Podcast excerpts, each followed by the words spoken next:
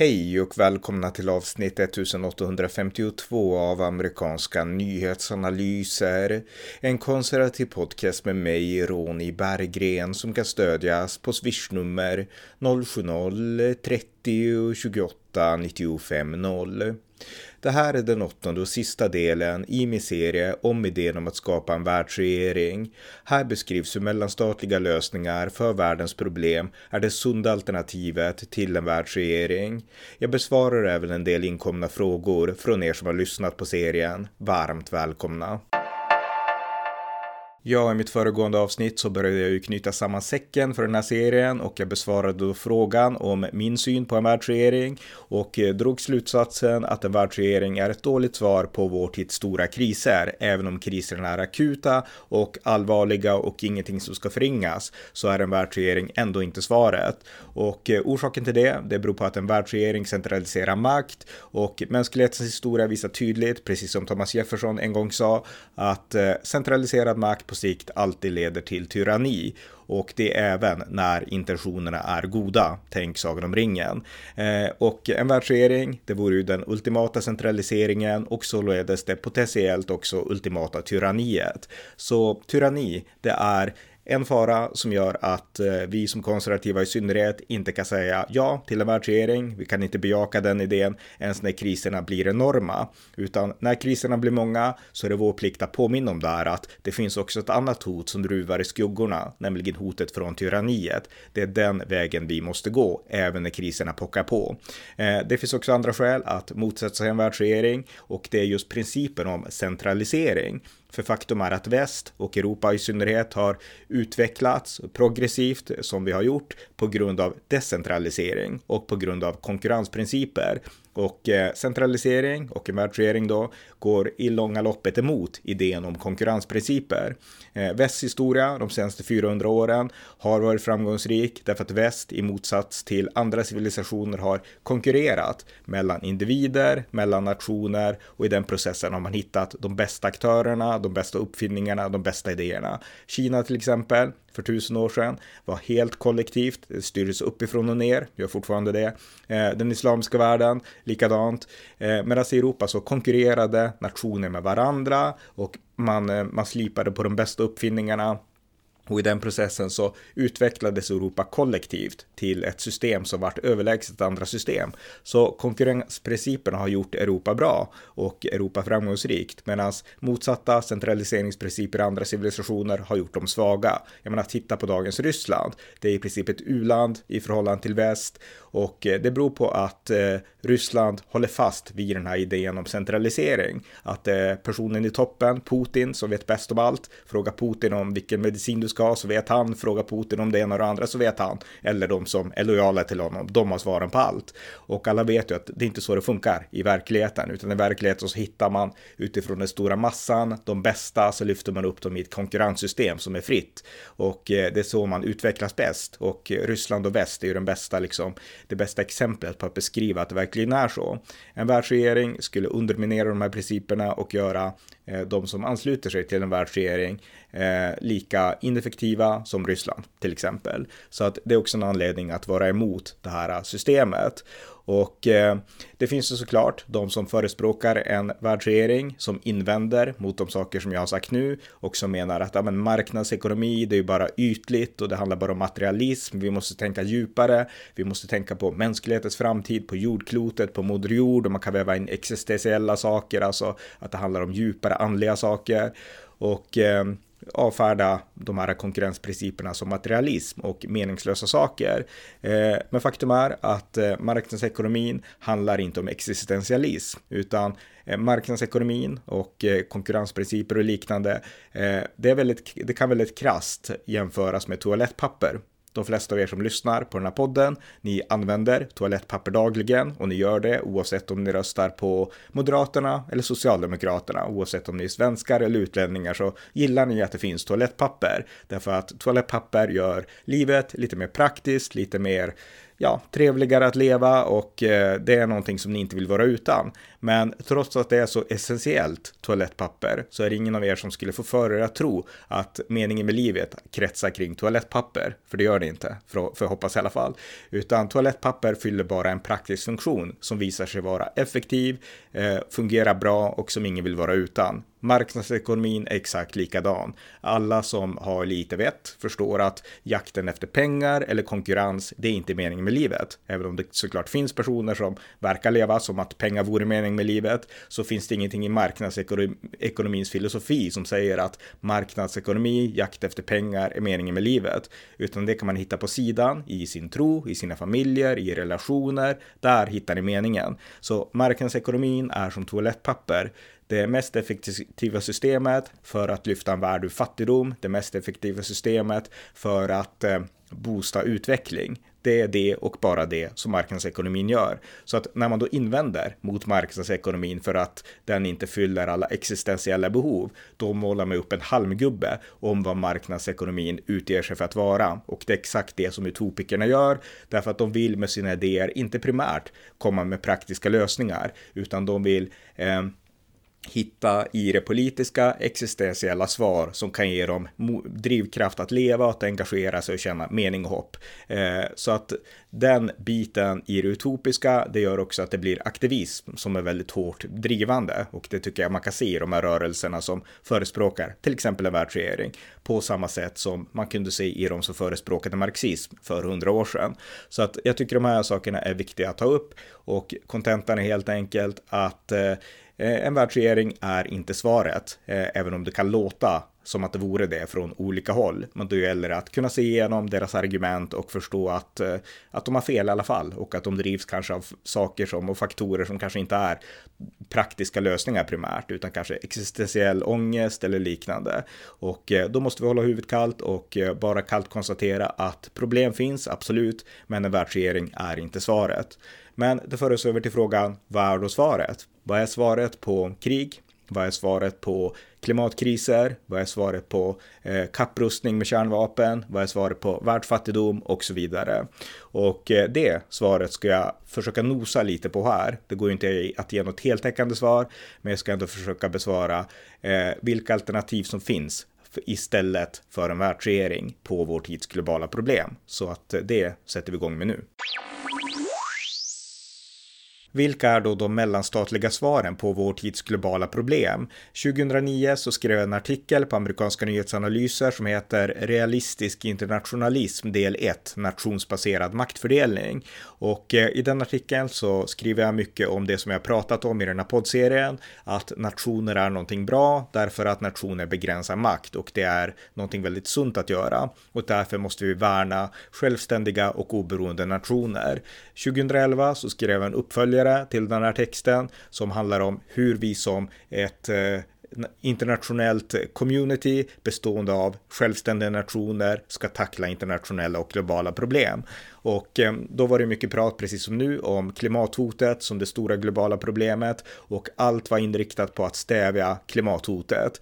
Och i den här artikeln då från 2011 så konstaterar jag bara att eh, Mänsklighetens historia har präglats av många olika problem, inte bara klimatet utan mängder av andra katastrofer som har drabbat människor oerhört hårt och om vi bara fokuserar på klimatet så kanske vi missar de praktiska svaren, de praktiska lösningarna som verkligen kan behövas när det händer någonting. Och eh, det kommer inte hjälpa människor som drabbas av svält att vi eh, kör mer elbilar i Sverige till exempel. Så att mitt förslag då, det var att rikta in resurserna, inte primärt på den här stora stora överstatliga gröna omställningen, utan på praktisk hjälp i praktiska situationer. Och jag förespråkade då eh, någonting, ett upprättande av internationella kriszoner eller kriscentraler i specifika strategiskt placerade zoner, som till exempel i Kina, där vi vet att det ofta utbryter epidemier. Där hade det kunnat finnas en eh, internationell kriscentral, så om en epidemi hade brutit ut så hade ett internationellt team kunnat vara där på en gång, forskat, avgränsat eh, kväsbranden i dess linda och kanaliserat in internationella resurser för att bistå innan hela världen drabbas. Eh, en internationell kriscentral i till exempel Turkiet där man vet att det ofta eh, kommer jordbävningar, hade kunnat ha en plan på plats från början att när jordbävningen väl kommer så har vi allting redo för att skicka in hjälparbetare och liknande. En liknande kriscentral i till exempel Mexikanska golfen hade kunnat eh, agera när de återkommande orkanerna, som vi inte vet kommer exakt när, men vi vet att de kommer i cykler och beroende på väder och temperatur och så, då hade de kunnat sätta in hjälpinsatser direkt. Alltså man bara hade inte behövt, oj nu kom det en orkan, utan man hade kunnat haft ett center som är redo för de stora kriserna. Och eh, jag skrev 2020 också en artikel i DN som heter Världsregering kan aldrig ersätta nationer. Och där gav jag ett annat exempel. Där skrev jag till exempel att eh, kärnkraftsolyckan eh, i Ryssland 2000, alltså Kursk, den här ubåten som gick under, Eh, den, eh, ja, eh, det internationella samfundet erbjöd ju hjälp. England erbjöd hjälp. Man hade egna räddningsubåtar som hade kunnat hjälpa. Men Putin, Ryssland sa nej för man vill inte skicka in, alltså man vill inte att väst skulle komma in i Rysslands zon, tänkte man då. Eh, om det hade funnits en internationell hjälpcentral som var opolitisk, då hade förmodligen hjälpen mottagits. Så att det är också ett exempel. Sen kan man diskutera hur realistiskt det är. Men min betoning i de artiklarna, det var ändå att vi måste vara praktiskt orienterade. De här som vill bygga en överstatlig världsregering, de är oftast mer utopiskt tänkande och vill använda praktiska problem för att legitimera sin utopiska lösning, sin universallösning, eh, en världsregering. Medan jag anser att sådana här hjälpcentraler, de skulle verkligen vara praktiska och de skulle inte vara politiska och de skulle absolut inte vara överstatliga utan lokala praktiska kriscentraler eh, för att hantera praktiska problem. Och eh, det skulle kunna vara ett alternativ som vi borde satsa på mer kanske än de här storskaliga liksom, visionerna för hur världen ska se ut. Så att det var mitt förslag. Och eh, förra året, 2022, så kom det också en bok om det här ämnet som heter Governing the World Without World Government. Alltså att styra världen utan en världsregering. Och den boken är skriven av den brasilianska akademikern Roberto Mangabeira Unger. Och i den här boken så konstaterar han att eh, världen idag består av nationer. Vi kan fantisera om en världsregering, vi kan fantisera om en värld utan nationer, men världen idag rent praktiskt består fortfarande av nationer. Just nu så ökar konkurrensen mellan Kina och USA, en ökad rivalitet där ingendera vill avsäga sig makt Just nu så är det allt fler nationer som vill skaka av sig den allt mer överstatliga tvångströjan och få mer ökat oberoende, nationellt oberoende. Och eh, vill vi hantera de praktiska problemen idag, även globala problem som klimatförändringar, så måste vi inse bara kalla fakta, nämligen att det är nationerna som måste lösa de här problemen, för annars så kommer problemen inte att bli lösta. Väldigt eh, krasst och tydligt eh, fastslår han det. Och han menar då att det finns lösningar som nationer har lagt fram, eller metoder för lösningar som nationer har använt sig av genom hela historien. Men de har ringaktats idag och det pratas nästan aldrig om dem. Men ofta så är det ad hoc lösningar, specifika lösningar på specifika problem och eh, koalitioner av nationer, coalitions of the willing är en term som man använder, samma begrepp som USA använde i kriget mot terrorn. Men eh, han förklarar att coalitions of the willing, alltså nationsbaserade koalitioner, där koalitionen byggs utifrån att nationerna inser att inom det här området, inom det här specifika området, så har vi ett gemensamt intresse. Till exempel vi nationer kring den här stora eh, viktiga sjön. Vi har ett gemensamt intresse av att värna att det inte släpps ut eh, Eh, utsläpp i den här sjön för det skulle skada oss alla. Det är ett gemensamt intresse och eftersom det här är ett gemensamt intresse så har man då incitament att verkligen samarbeta för att lösa det här enskilda problemet och eftersom det inte är överstatligt så kommer det heller inte att skrämma nationer från att backa ur. Jag menar ta till exempel Brexit här i Europa. Eh, Storbritannien, de gick ju med i EU en gång i världen för att det var ett handelsavtal, någonting som de ansåg att vi har ett gemensamt intresse med andra länder i Europa att handla, så därför går vi med. Sen utvecklades EU till något överstatligt som ville påtvinga massa andra saker och då kände Storbritannien att det här var inte det vi gick med i. Nu handlar det inte längre om våra gemensamma intressen, utan nu handlar det om att trycka på ett annat intresse på oss som inte vi vill ha och Storbritannien backade ur och det fungerade inte. Och Eh, Eh, det han berättar i den här boken det är att det gemensamma intresset, det är liksom det som binder samman och eh, som gör att man verkligen blir inspirerad att hitta en lösning. Ett gemensamt fokuserat intresse, det är så de här koalitionerna ska byggas och det kan appliceras på många olika saker, till exempel på krig, det klassiska i historien, det är idén om ententéer, alltså att det byggs upp snabba koalitioner för att stävja makt. Alla som har spelat strategispelet Risk, de vet ju att när en aktör, en person blir superstark, då gaddar sig alla andra samman mot den, därför att den personen blir ett hot mot alla. Och då spelar det ingen roll om man själv är rival eller fiende med alla andra, utan då har man gemensamt att vi är små och där kommer en jätte, nu måste vi tugga ner jätten så att ingen av oss är hotad. Det är liksom praktexemplet på hur den här principen funkar. Och så har det funkat i historien för att stävja krig och stävja imperialism och i synnerhet i Europa, konstaterar den här författaren. Exemplet med risk, det var mitt eget exempel kan sägas då. Men eh, Eh, så att det är ett exempel och ett annat intressant exempel som man ger som nästan är ironiskt, det är just klimatet. Därför klimatfrågan är ju den fråga som används mest av allt för att verkligen förespråka överstatlighet och en världsregering. Det är liksom den främsta legitimerande faktorn. Världen håller på att gå under, det är en katastrof, klimatet drabbar alla, vi måste ha en världsregering. Men i praktiken, konstaterar den här författaren, så de beslut som har tagits för att stävja klimatförändringarna, det har inte fattats av en världsregering, för en världsregering finns inte, utan det är enskilda nationer som i samarbete med andra nationer och med olika ganska frivilliga avtal har kommit fram till att vi vill göra en grön omställning, vi vill samarbeta i klimatfrågor och det har gjorts på helt nationell basis. Så att det är ju den största ironin av alla, att den här frågan som används mest av allt av eh, världsregeringsförespråkare klimatfrågan, där har man åstadkommit ganska mycket på helt eh, transnationell nivå. Klimatet, jag menar, det gäller även Sverige. De beslut vi har fattat, det har vi fattat för att vi vill fatta de här gröna besluten. Sen kan man tycka vad man vill om det, att vi ska ha en snabb omställning till elbilar och så, men det är inte ett överstatligt beslut, utan det är Sverige själv som har fattat de besluten. Så att här kan vi se att till och med den gröna vågen, där liksom överstatligheten är mer inbakad än någon annanstans, även den har ju på något sätt drivits fram av att nationer har valt att göra som de gör. Och det visar att idén om en coalitions of the willings för att hantera problem, även globala världsproblem, de principerna fungerar.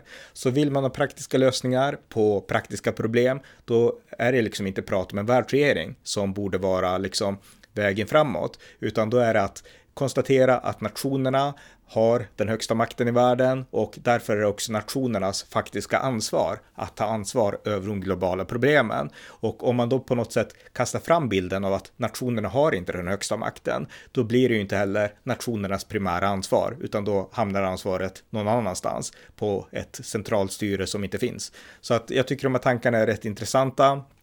Och jag har inte läst hela hans bok, utan min poäng här är bara att jag ska läsa den, men jag har inte läst den ännu. Men eh, min poäng här är bara egentligen att konstatera och fastslå att eh, det finns andra sätt att resonera om världsutvecklingen. Eh, jag har gett några konkreta exempel på hur man utifrån en mellanstatlig eh, utgångspunkt kan försöka lösa världens problem, men jag har ju inte alla svar och den här författaren har inte heller alla svar. Men de som förespråkar en världsregering, de har inte heller alla svar, utan de vill bara att man ska hoppa på tåget, förespråka en världsregering, skapa en världsregering och sen så kan den världsregeringen komma på svaren. Det viktiga nu för dem är att upprätta en världsregering, alltså eh, drick universalmedicinen, sen kommer det att fungera, får vi hoppas ungefär. Det är lite så de argumenterar. Så att det är viktigt att förstå att ingen sida, inte min sida, som förespråkar nationer och inte den sida som förespråkar en världsregering har alla lösningar på vår tids och framtidens globala problem. Det har vi inte, utan det jag vill säga här, det är mest att det finns ett annat sätt att tänka på saken. För att om man bara följer mainstream media, om man bara följer de rådande diskurserna, då är det ungefär som så att eh, det är en världsregering, det är mer överstatlighet, det är det som är vägen framåt och om man inte är på det spåret, då bryr man sig inte om världen. Då bryr man sig inte om framtiden, man bryr sig inte om globala frågor.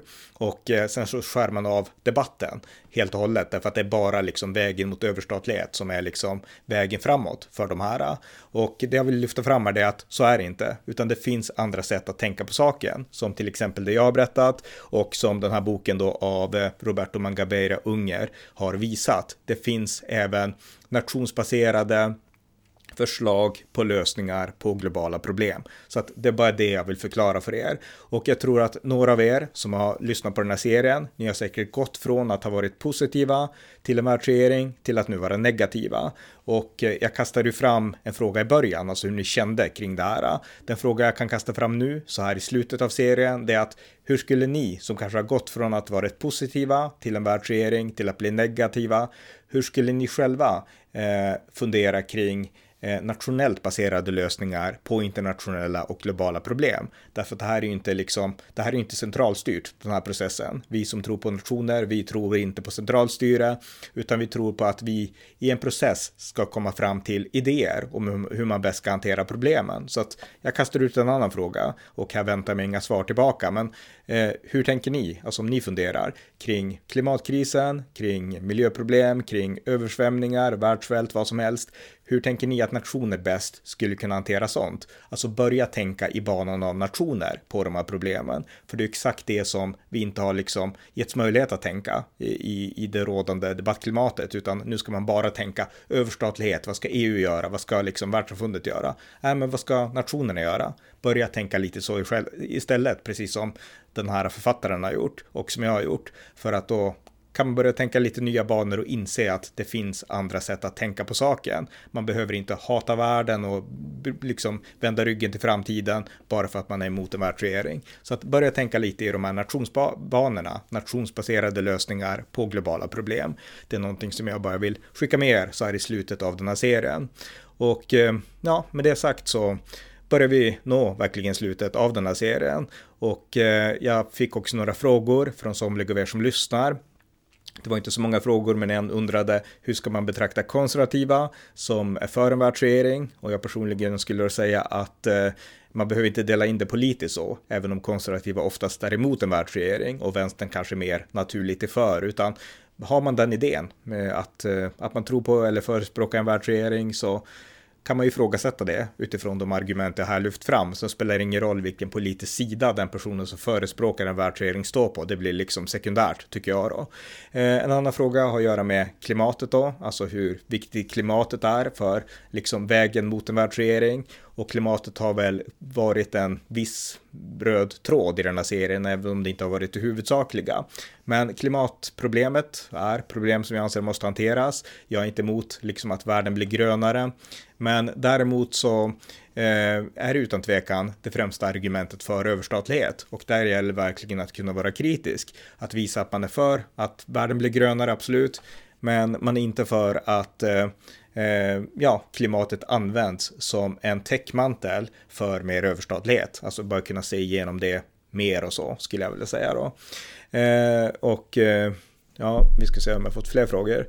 Eh, nej, inga fler konkreta frågor utan mer tankar och så här att, att det är positivt och att det, så att det här inte ja, det här förs inte fram, ofta så förs det fram av kufar, alltså just mer konspirationsteoretiker och sådär. Eh, och det har jag väl också gått igenom då en del i den här serien. Så att eh, jag tänker så här att eh, serien är slut nu. Min serie om en världsregering, om den här idén. Och eh, jag hoppas jag lyckats med att ge det idéhistoriska perspektivet på den här serien. Och att ni har fått något nytt att tänka på och kanske ett nytt sätt att tänka på de här ämnena. Så att tack för att ni har lyssnat, ni som hängt med i hela serien. Tack för att ni har lyssnat på amerikanska nyhetsanalyser. En podcast som kan stödjas på swishnummer 070-30 28 95 0 eller via hemsidan på Paypal, Patreon eller bankkonto. Skänk också gärna en gåva till valfri Ukraina-hjälp. Vi hörs snart igen. Allt gott tills dess.